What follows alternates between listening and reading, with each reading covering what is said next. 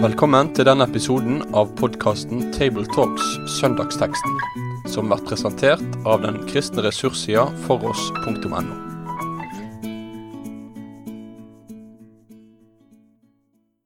Velkommen dere til eh, noen minutter over eh, en bibeltekst som hører til eh, andre søndag i treenighetstiden. Og her sitter jeg, Svein Granerud, sammen med Asbjørn Kvalbein og Egil Sjåstad. Og nå skal vi lese denne teksten, og vi skal samtale om den og se noen av de rikdommene som ligger i en veldig kjent tekst. Men den skal vi lytte til nå nok en gang. Vi leser fra Johannes 3 og fra vers 1. Det var en mann blant fariseerne som het Nikodemus, en av jødenes rådsherrer. Han kom til Jesus om natten og sa, Rabbi, vi vet at du er en lærer som er kommet fra Gud, for ingen kan gjøre de tegn du gjør, uten at Gud er med ham. Jesus svarte, Sannelig, sannelig, jeg sier deg, ingen kan se Guds rike hvis han ikke blir født på ny.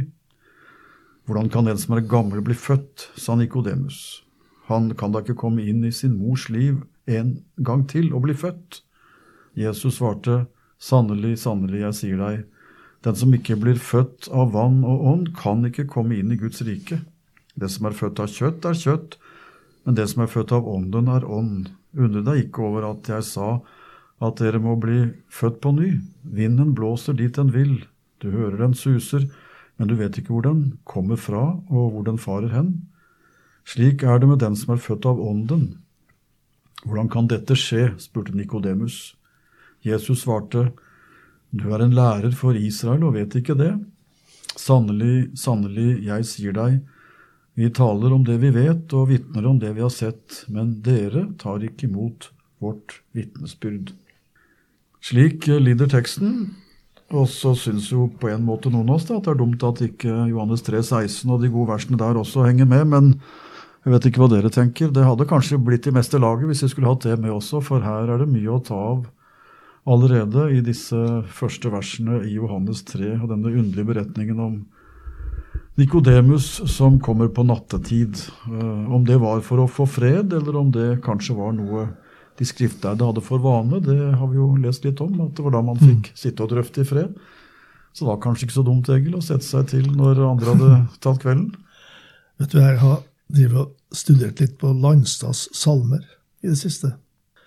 Det er kanskje ikke, det er ikke kanskje mange som gjør det, men jeg har gjort det nå i, i noen uker. Og der fant jeg plutselig et vers om den teksten her. Ja, la oss høre. Der han har, han har laga en salme om denne teksten. Og vers to er sånn. Og tenk min sjel å ha seg satt ved, ned ved den visdoms kilde, og tenk en Nikodemus-natt hos Jesus i det stille.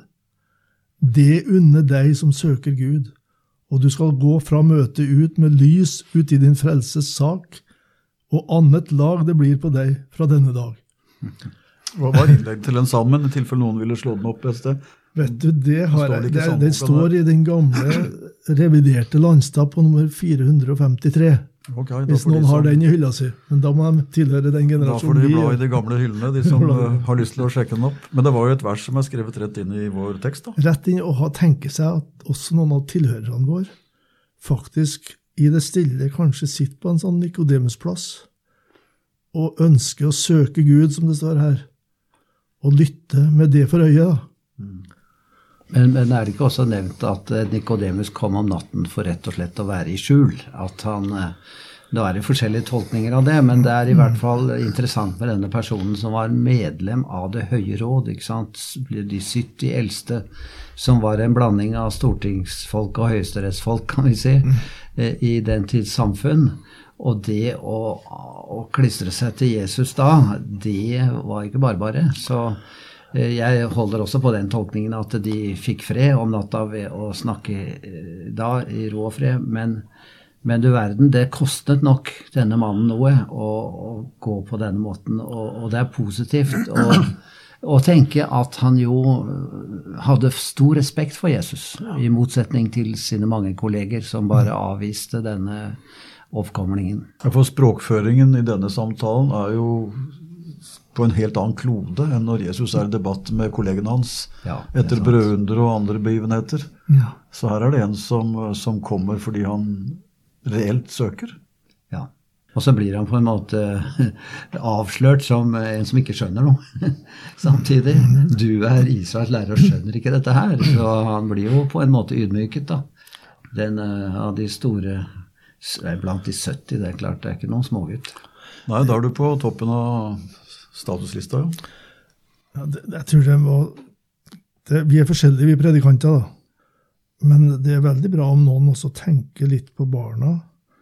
Og da vil barn veldig fort være med på den tanken at uh, om natta da er det ingen andre som ser deg. Eh, så det er noe med, med det at det kosta sikkert for Nikodemus å oppsøke Jesus, for han var fra et miljø der det var mye motstand. Og det andre det er, for min del, da vil jeg ha sagt litt om hva er forskjellen på fariseisme og kristendom. Det er det denne teksten egentlig handler om, da. Mm. Hva er den grunnleggende forskjell på allmennreligiositet og, og levende kristendom? Hvordan ville du lagt ut da, hvis du skulle hjelpe folk til litt konkret etterfølgelse av Nikodemus? Hvordan, hvordan kan du få den plassen i stillhet hos Jesus for å få hjelp på dine spørsmål? En, en blir jo plassert ved Guds ord, da. Og, og må ta til seg ordet og grunne på det. Det er noe med å få lys over det som vi kaller evangeliet. da. Det som Gud har gjort, det som Gud gjør, og som ikke er en appell til min egen religiøse innsats, men som Gud sjøl skaper gjennom dette ordet. Det Jesus her sier om å bli født på ny. Det må bli en ny start.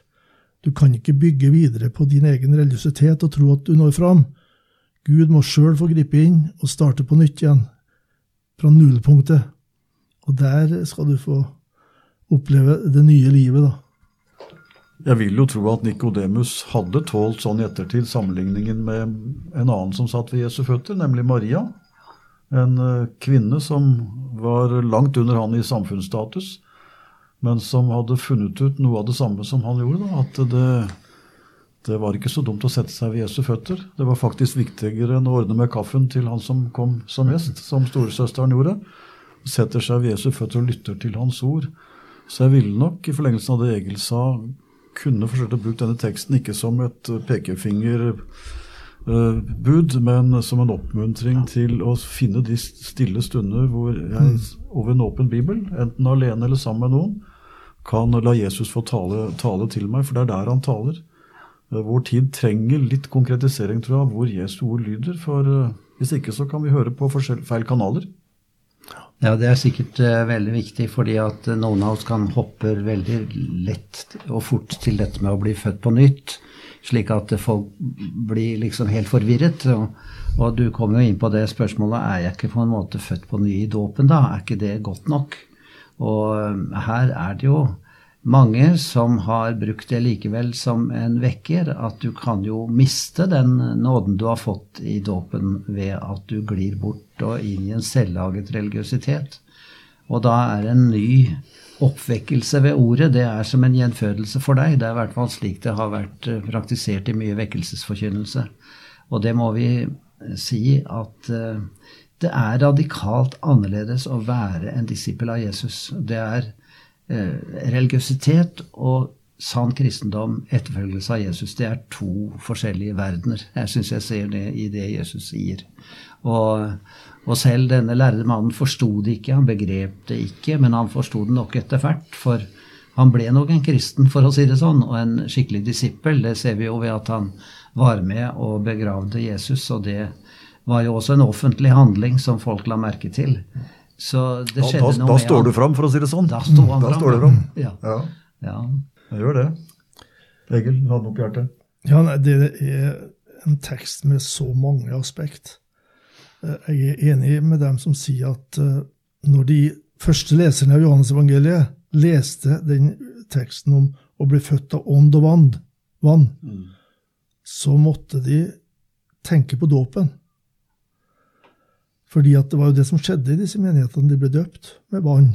Og de tenkte at Guds ånd var der når de døpte. Og det er ikke sikkert Johannes ville ha vært uenig i, han som skrev dette her, og ga det videre. Men i konteksten her, før dåpen var innstifta, så er fokus på at dette er en ny pakt som kommer, som Det gamle testamentet har vitna om, der det står om vann og ånd som skal utøses i den siste tid. Og jeg har det fra Esekiel 36, jeg tror det er det som Jesus sikter til, rett og slett. Der Gud sier i vers 25, Jeg vil stenke rent vann på dere, så dere blir rene.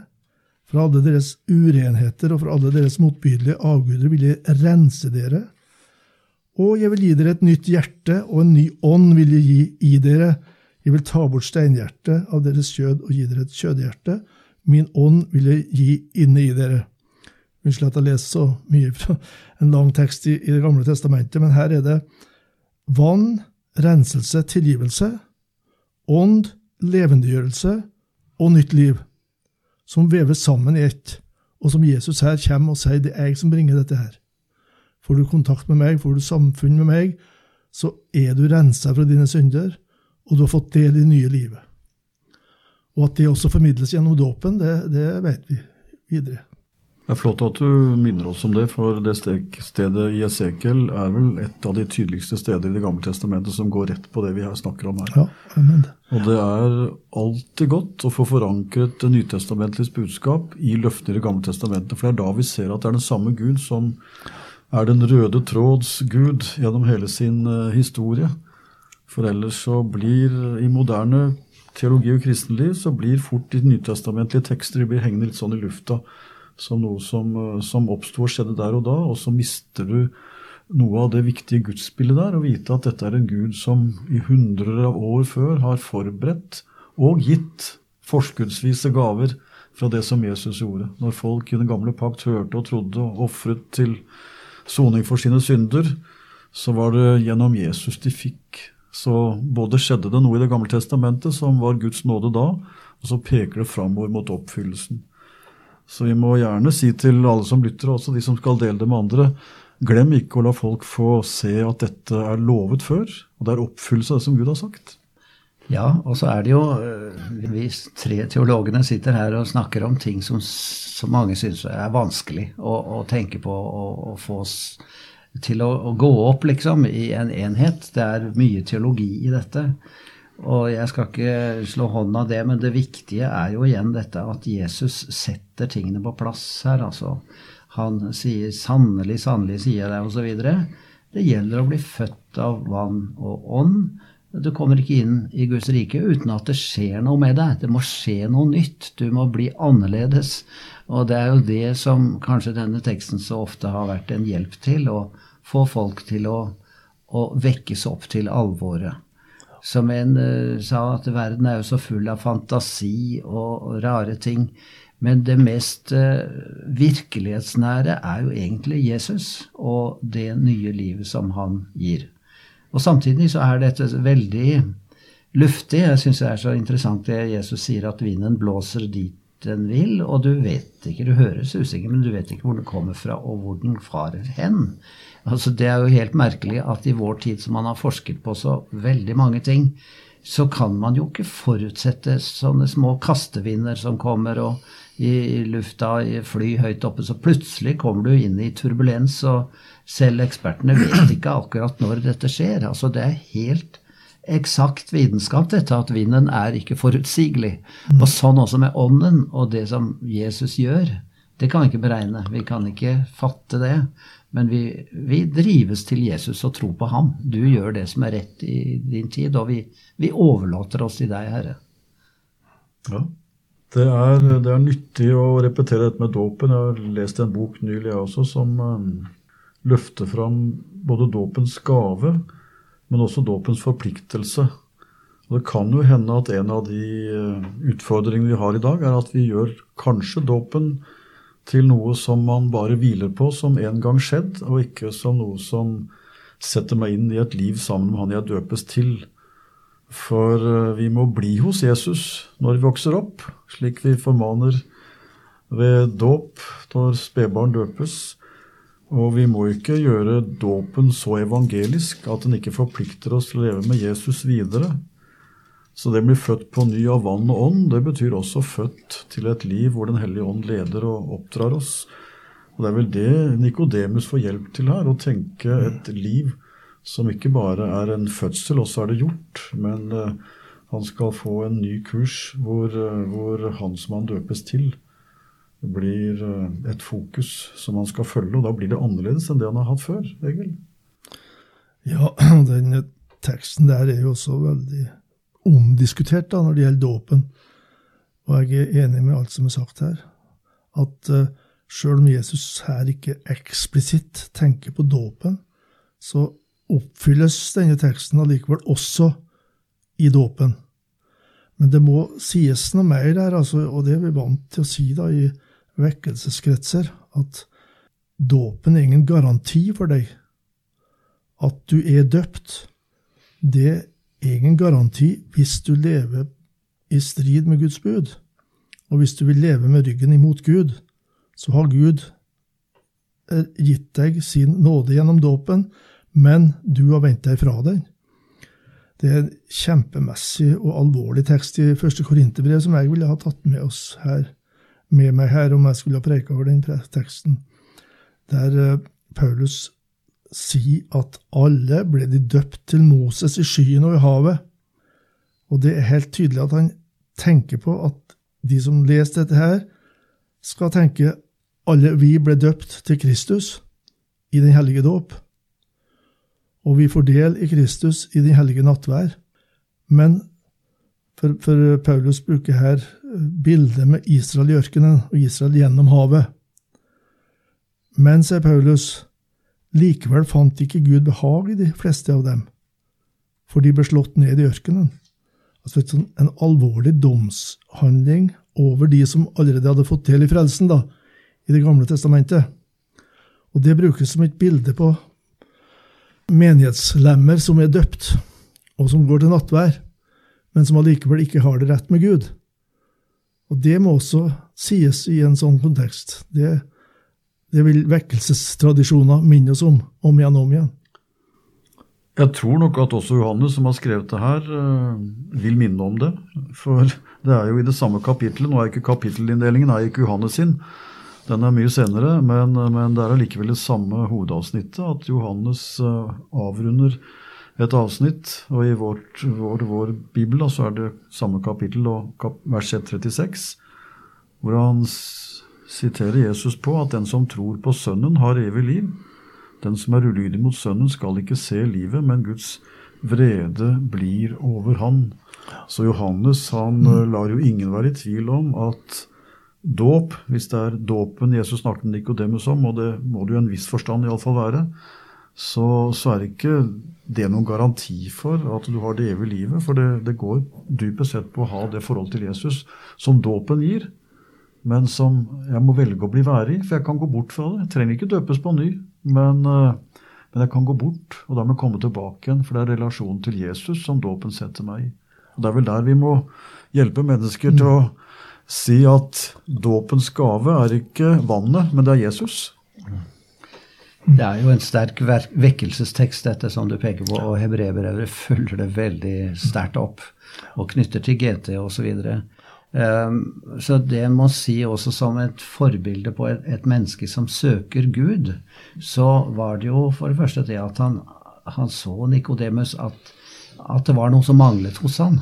Vi skjønner at du er en lærer, men det må jo være noe mer. liksom, Det ligger i det spørsmålet. Altså Det er veldig godt at mennesker begynner å spørre hvem er Jesus? Er du litt mer og annerledes enn jeg tror?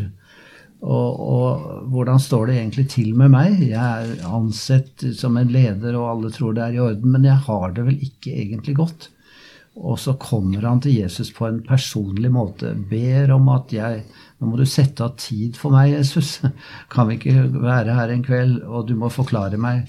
Og så ser vi hvordan Johannes skildrer en mann som på en måte dummer seg litt ut, men i hvert fall innrømmer åpent at han skjønner ikke så mye. Og så har han tvers igjennom alt helt og fullt tillit til Jesus. Og det er jo det vi må si til mennesker også i dag. Du må innrømme det at det er noe du ikke forstår. Akkurat som du ikke forstår vinden i naturen og mye annet. Så kan du gå til Jesus, og du, har, du må ha tillit til han. Eh, og ha et personlig forhold til han der det angår. Og da, da vil du bli født på ny av det personlige forholdet til han. Det er jo litt ålreit, uh, for å si det sånn, at en uh, godt voksen kar, han kan ha vært på vår alder og kanskje mer enn det, og så kom han altså til Jesus og innrømmet at noe er vanskelig. Og kanskje skal vi si det litt enkelt til hverandre at, at selv med både kunnskap og år på baken, så, så, sliter vi av og til med å få sortert i troens saker. Og hva gjør vi da? Da er Nikodemus et forbilde. Så vi kan gjerne løfte han opp som en som gjør det som vi må gjøre mye, også vi som har levd i troens liv med Jesus lenge. Vi må gå til Jesus, enten nå er natt eller dag, og så må vi ta tid til å gjennomtenke ting igjen og lytte på ny og på ny.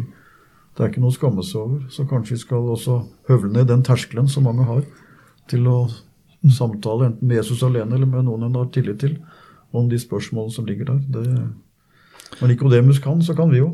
Ja, og så er det fint at Johannes i sitt evangelium nevner Nikodemus ved to andre anledninger. Så vi skjønner at Nikodemus har fått en grunnleggende nytt forhold til Jesus. da. Mm. Hvor langt han har kommet i dette, vet vi ikke, men det står i kapittel 7 at Nikodemus, han som før en gang var kommet til Jesus, og som var en av rådsherrene, sier til dem Og så er det da et forsvar av Jesus. Og da Jesus var død, så står det men også Nikodemus kom, han som første gang var kommet til Jesus om natten. Han hadde med seg en blanding av myrra og aloe, omkring 100 pund. Så da satsa han på en slags takknemlighetsgave til Jesus. Og den var relativt synlig. Og den var synlig. Den var synlig. Ja. Det er litt fint å se dette også i evangeliet. Det er, det er noe med det.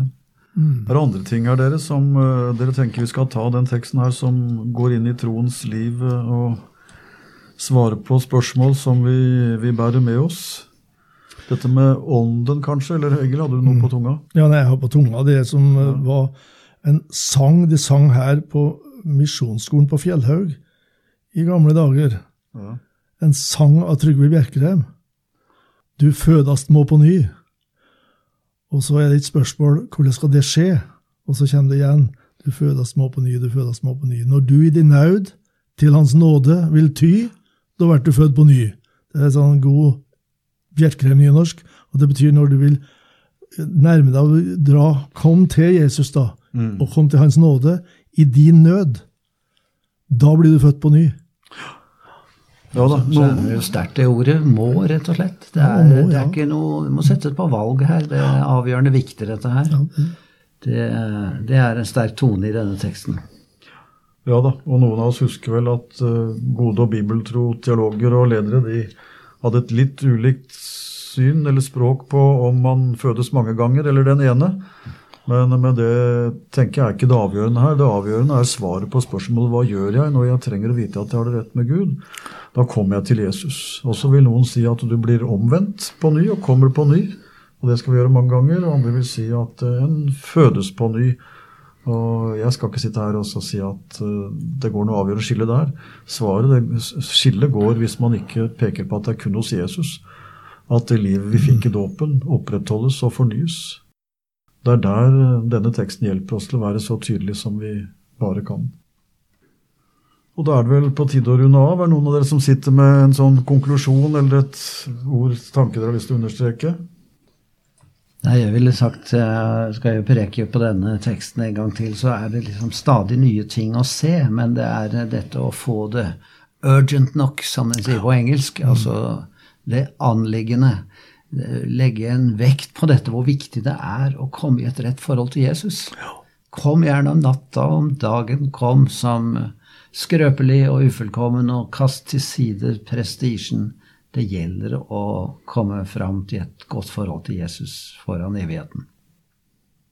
Ja, og jeg vil bare understreke også at eh, det som hviler over det hele her, som Jesus bare nevner, det er at eh, der hvor vi blir født på ny, så er det Den hellige ånd som gjør sin gjerning. Og jeg er blitt betatt av Jesus også i avskjedstalen, hvor han mange ganger viser til ånden. Og hele tiden er det sånn at der hvor Jesus er, er ånden. Så det er også noe jeg tar med meg her. Hvor Jesus får lov å være i mitt liv, der er Den hellige ånd med. Men begynn med Jesus, så er også ånden der. Da takker vi for samtalen, ønsker lykke til til hvem skal forkynne, og tar med oss ordet fra Johannes 3. Amen. Med det sier vi takk for følget for denne gang.